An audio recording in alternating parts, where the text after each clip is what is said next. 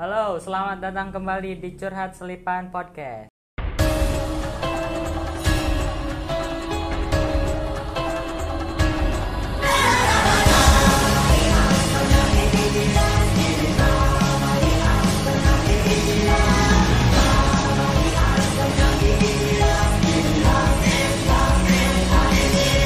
Hari ini gue sudah bersama teman ini yang sudah punya studio namanya Erik Rivaldi. Eh, beberapa kali juga masuk ke Instagram gue. Dia yang foto. Kalau yang bagus tuh dia yang foto.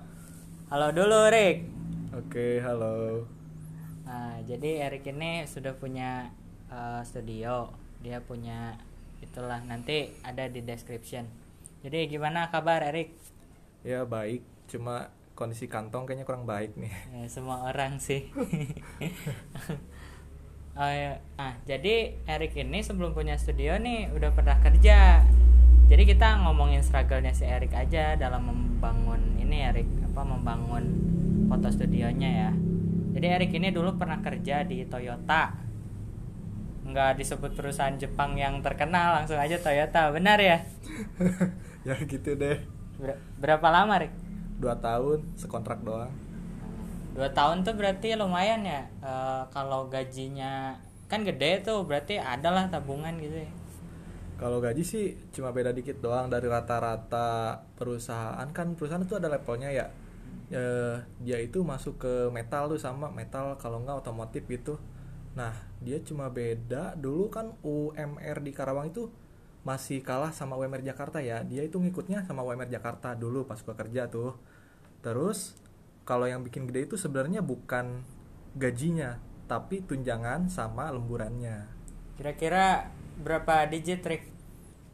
Dulu gua kerja tuh masuk tahun 2014 eh kalau rata-rata sih cuma dua digit doang. Dua, dua digit doang. Lumayan. Terus kan kerja nih berarti dua tahun kontrak Eh, udah lumayan enak atau gimana tuh kerja dua tahun? Pegel bos. Pinggang pada ya kesleo lah. Bagian operator produksi atau apa dulu tuh? Iya dulu tuh gua bagian disebut operator ya mungkin operator tapi bukan bagian perakitan. Gua tuh bagian di penyaplai buat part-part yang mau dirakit. Hmm. Jadi eh, pemban yang membantu operasionalnya si mesin kan kalau itunya produksinya mah mesin kan bukan manusia ya? manusia cuma dia ngelawan mesin karena ya gitu kerjanya kayak ngejar-ngejar ini conveyor gitu Conveyor teh naon? Apa? conveyor tuh mesin yang muter gitu jadi si mobil nih eh, cycle-nya muter dari rangka nih yang dilas gitu muter terus nah orang-orang yang di yang kerja di situ tuh harus ngejar take time yang udah di set di pabriknya itu Oh. Melawan mesin ya? Iya. Untung tidak melawan Titan. Jadi bangsa Eldian. nah, itu kan lumayan tuh dua tahun. Pengalaman apa saja yang didapat Pak Erik selain pegal-pegal di pinggang? emosi kali kebanyakan gue kan emosian ya Eh, itu di tempat ini di Karawang berarti ya? Iya di kawasan KIC itu Oh, di KIC. Nah, eh di si Toyota ini kan perusahaan yang lumayan besar ya. Eh, terus juga ada beberapa isu kayak orang Karawang tuh eh, di KIC, di kawasan KIC sendiri tuh kebanyakan kayak diremehkan untuk yang pribumi untuk jadi eh, tenaga kerja di sana benar nggak sih? Kalau di Toyota tuh sedari sedari pengalaman gua ya, kalau misalkan lu bisa masuk orang Karawang nih, lu bisa masuk ke situ, harusnya lu yang paling dipandang di anak emas kan gitu. Soalnya kalau lu anak Karawang, terus lu eh, track record kerjanya di situ nggak macem-macem, nggak neko-neko, terus lu nurut ya sama atasan, katanya paling gampang buat diangkat, katanya. Hmm, attitude juga berarti dipertimbangkan ya selain skill ya. Iya jelas. Kalau di situ harus benar-benar nurut sama atasan. Jadi anak pungutnya kali ya. babu. Jadi babu. Iya gitu. kuli ya gimana lah.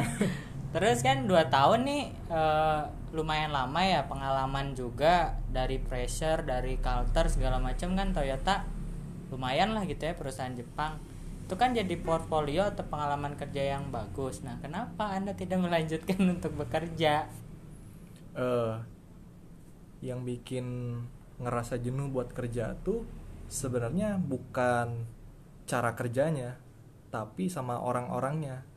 Makin gini ya kayaknya bahasanya agak kasar nih makin gede duit yang lu dapat eh, lingkungan lu itu makin banyak orang-orang yang munafik. Itu yang bikin males sih. Munafiknya tuh gimana? Apakah eh, penjilat juga atau kayak gimana? Iya jelas bermuka dua itu jelas saling mengadu domba itu juga Hmm, jadi toksik lah gitu lingkungannya be- beracun lah gitu ya saling saling menjatuhkan begitu Iya, jadi dari dari kalau dari face to face mereka tuh cuma nanya nih eh, kalau menurut lu nanya nih atasan ini gimana sih? Terus se tanpa sepengetahuan kita tuh itu disampaikan ke orangnya langsung gitu. Parah banget. Muka dua lah gitu ya oke itu salah satu faktornya nah faktor lain kenapa akhirnya memutuskan untuk pas eh, kontrak habis tidak melanjutkan cari kerja malah buka studio apakah karena passion yakin atau kenapa Enggak sih kalau buka studio ini awalnya hobi doang. Cuma pas dulu kan sempat nganggur nih abis di situ. Eh, nganggur tuh emang niatnya pengen kuliah awalnya kan. Tapi karena keadaan gak memadai aja, terus coba buat lamar-lamar. Nah pas lamar-lamar itu, gua ngerasa buat eh, apa ya dibodohi terus menerus.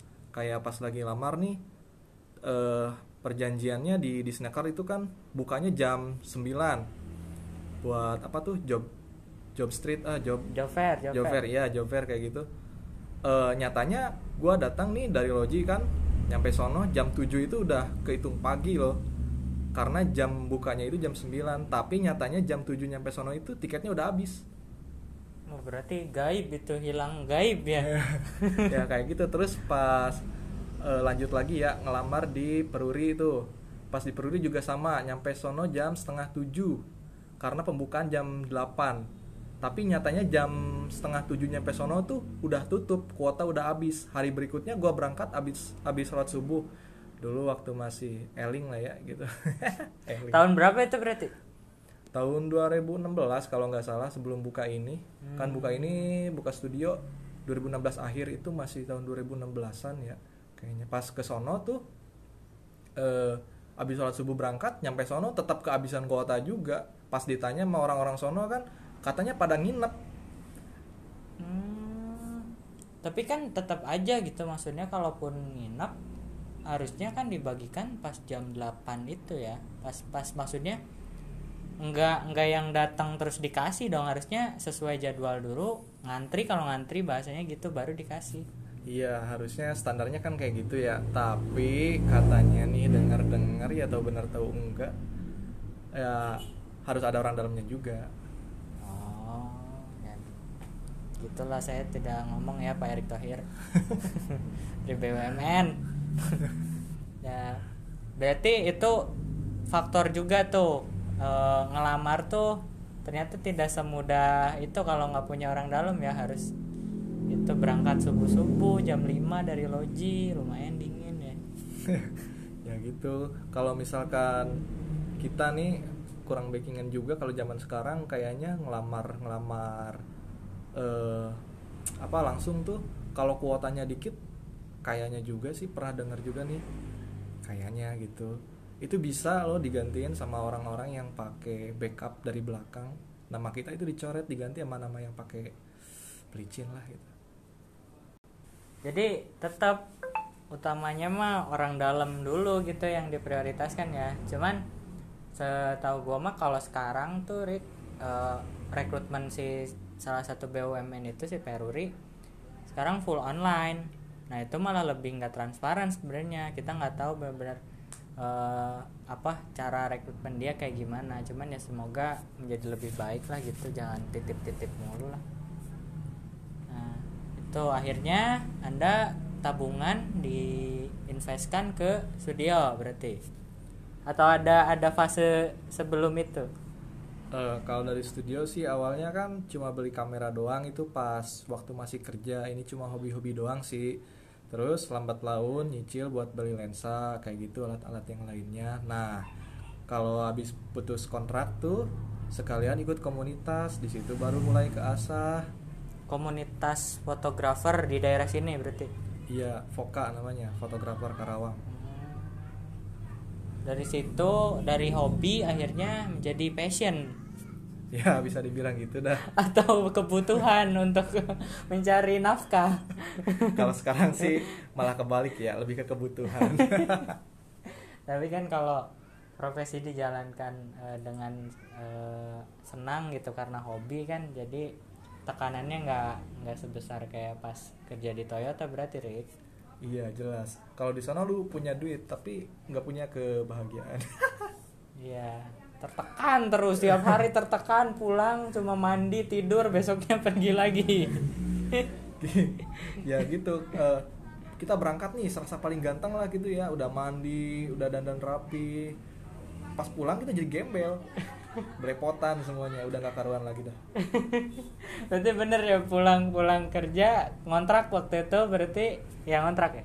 Ya ngontrak pernah ngontrak pas niatnya ngontrak itu pas lagi kencang-kencangnya lemburan kan karena lumayan lah dari KIC ke sini loji kan ujung loji eh, perjalanan lumayan jauh agak pegel juga gitu kan daripada bahaya di jalan ngontrak eh pas sudah ngontrak tahunya lemburan habis For your information, Loji itu Karawang Selatan jauh. Kalau ke KIC adalah 45 menit sampai sejam ya. iya Kalau lancar 45 menit nah gitu.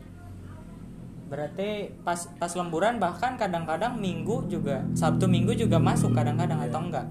iya pernah dulu tuh dua bulan gak ada libur Masuk terus. iya cycle kerja 12 jam terus-terusan Gantiin robot itu, gantiin mesin. Buset, tapi pemasukan berarti lancar banget itu ya?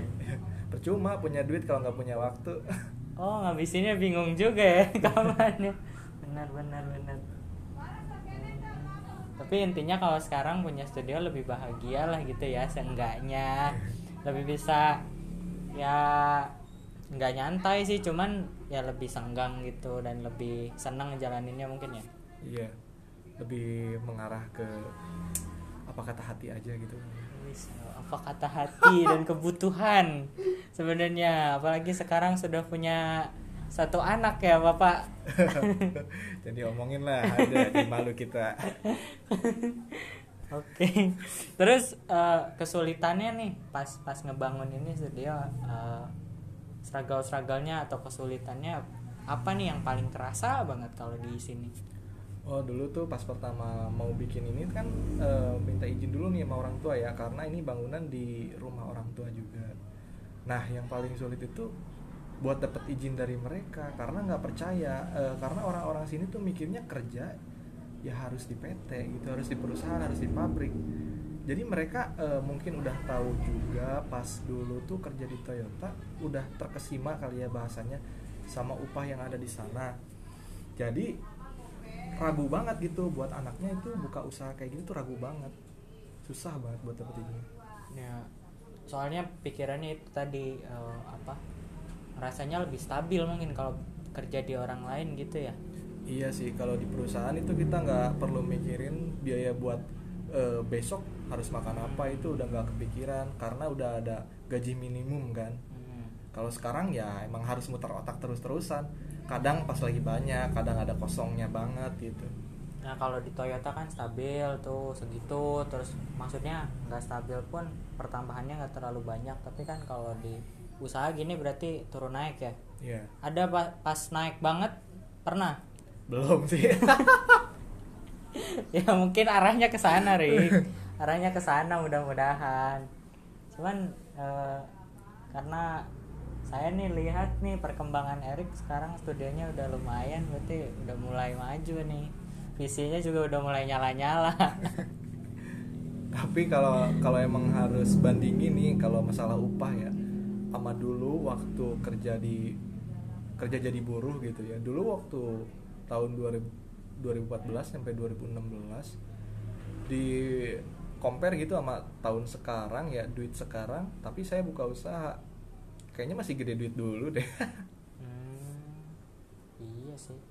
Pasti sih kayak mereka mah jualan mobil. Lu jualan jasa di sini mah beda. Jualan mobil mah laku.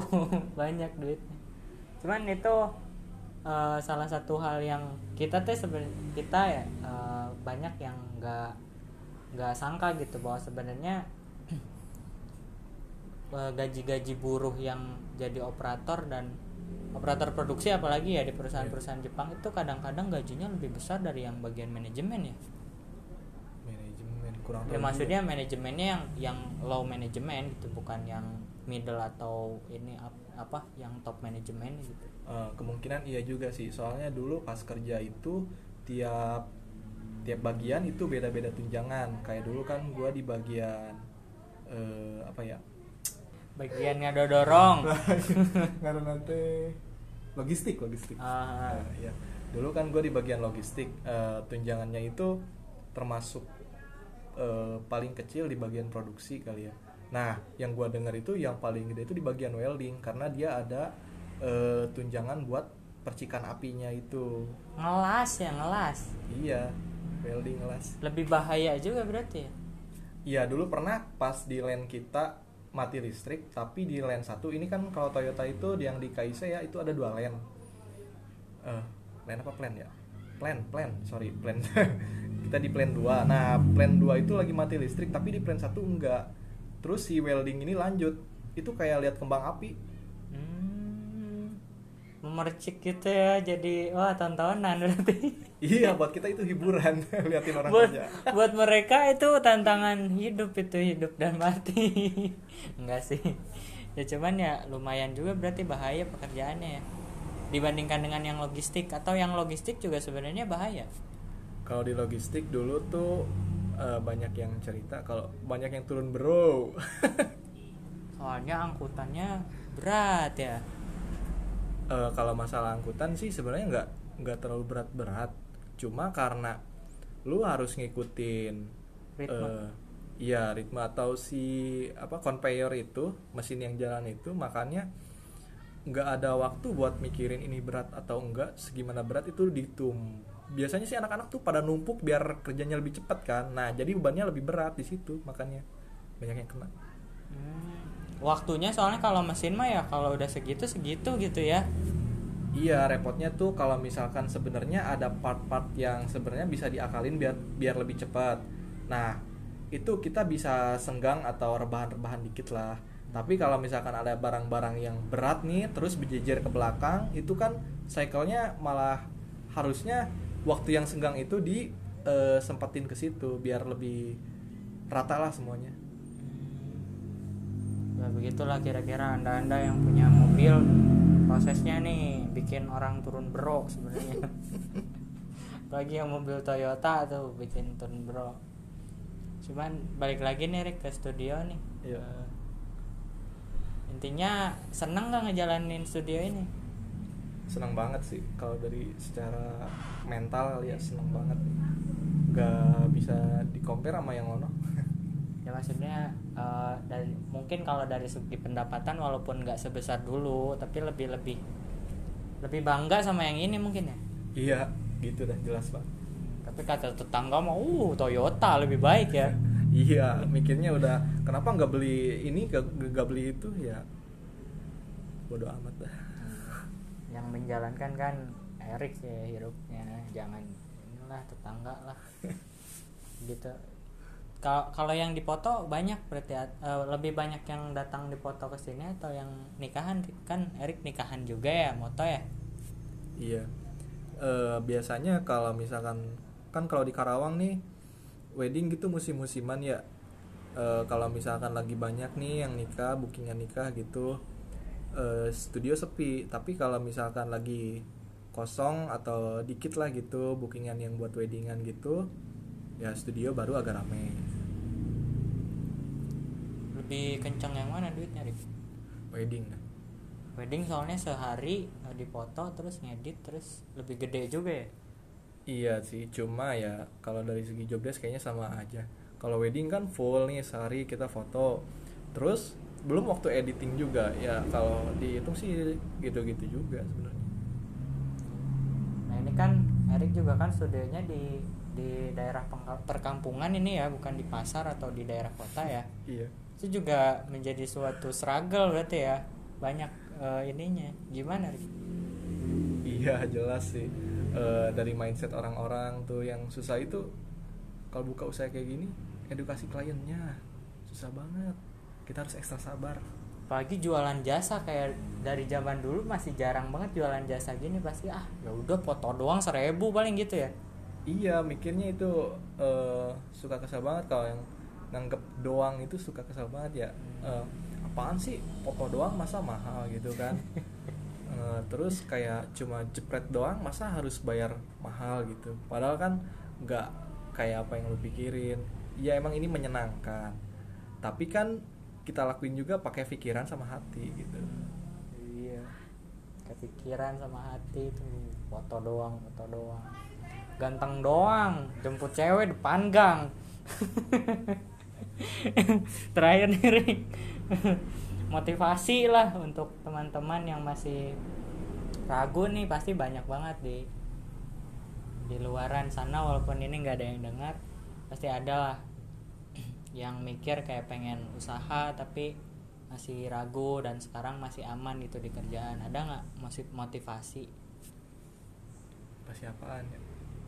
Ya maksudnya eh, kalau sekarang masih bingung mereka teh gitu masih kerja tapi pengen usaha tapi nggak dijalan-jalanin. Oh cobain aja dulu gitu aja kali. Sam- sambil buka Tokopedia. Udah paling segitu Eh, Erik si- silakan mempromosikan jasanya dan studionya. Ya buat teman-teman nih yang mau follow IG-nya buat eh, yang pengen tahu gitu kan bisa di follow di Erik underscore Rivaldi. Kalau enggak eh, follow second akunnya di Erik Foto underscore Studio. Eh, kalau pengen tahu yang akun buat weddingnya itu Erik Foto underscore wedding udah gitu aja sih. Makasih ya. Jasanya ada apa aja? Wedding berarti foto studio. Terus kalau misalkan private pengen foto nih seharian gitu. Nah, seharian aja disewa buat foto itu bisa nggak? Eh, kayaknya bisa diobrolin dulu boleh di chat dulu aja. Kontaknya bisa diakses di IG tadi ya. Ya nanti ada di description di bawah. Coba lihat ke bawah. Ya, nggak ada kan? Ya udah terima kasih Erik atas waktunya. Ini kita menjadwalkan sudah seminggu baru ketemu. Terima kasih teman-teman sudah mendengarkan sampai akhir. Sampai berjumpa di episode selanjutnya. Bye bye oke makasih